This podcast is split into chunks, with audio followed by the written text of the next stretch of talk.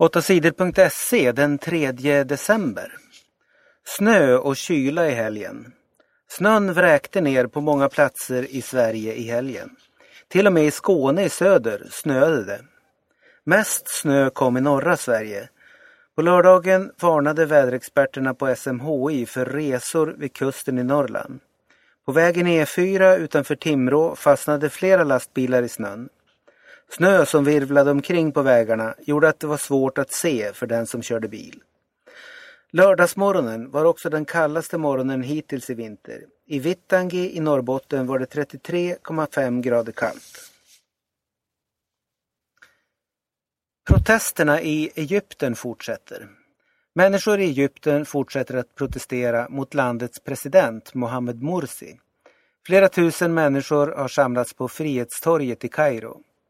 Folk är arga för att Morsi har gett sig själv mer makt. De protesterar också mot att Morsi vill införa en grundlag som använder regler från religionen islam. Mohammed Morsi är ledare för partiet Muslimska brödraskapet. Motståndarna tycker att förslaget till ny grundlag hotar frihet och mänskliga rättigheter. Mohammed Morsi har sagt att det ska bli en folkomröstning om den nya grundlagen den 15 december. Malin Barriard Jonsson vann i Stockholm. Malin Barriard Jonsson vann helgens tävling i hästhoppning i Stockholm. Hon red på hästen Tornesh. Peder Fredriksson blev tvåa i tävlingen. Det var väldigt roligt att få vinna här idag, sa Malin efter tävlingen. Flera döda när biltunnel rasade i Japan. En vägtunnel i Japan rasade på söndagen. Stora bitar av betong lossnade från tunnelns tak och krossade flera bilar. En del av bilarna började brinna och tunneln fylldes med svart rök.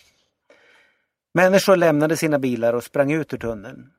Plötsligt rasade betong från taket. Jag såg hur en krossad bil började brinna, säger en ung man till medieföretaget NHK.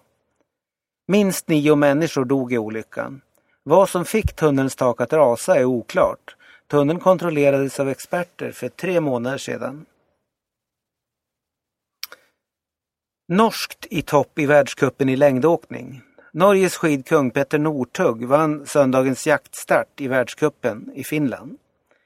Tvåa var Maxim Vylykshanin från Ryssland. Bäste svensk i loppet var Emil Jönsson på nionde plats. Det blev norsk seger även i damernas jaktstart.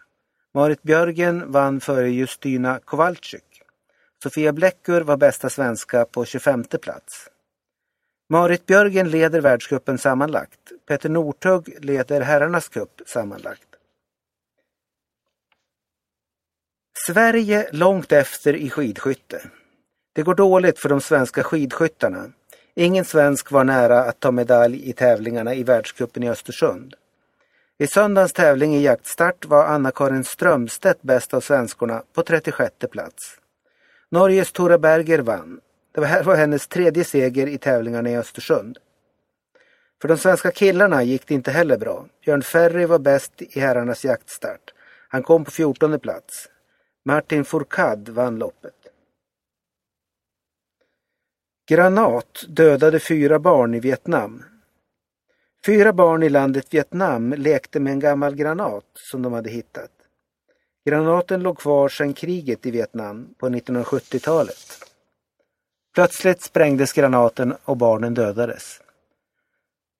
Massor av gamla amerikanska bomber och granater ligger kvar på marken sedan kriget. Minst 42 000 vietnameser har dödats av kvarglömda bomber sedan kriget slutade 1975. Tåg spårade ur i Stöde. Ett nattåg spårade ur nära Stöde utanför Sundsvall på måndagsmorgonen. Flera liggvagnar lossnade från tåget och spårade ur. Men vagnarna välte aldrig. Omkring tio personer skadades lätt i olyckan. Bara en person fick åka till sjukhus för vård. Rälsen skadades vid olyckan. Det kan dröja till onsdag innan rälsen har lagats och tågen kan köra igen. Ingen vet ännu varför vagnarna lossnade.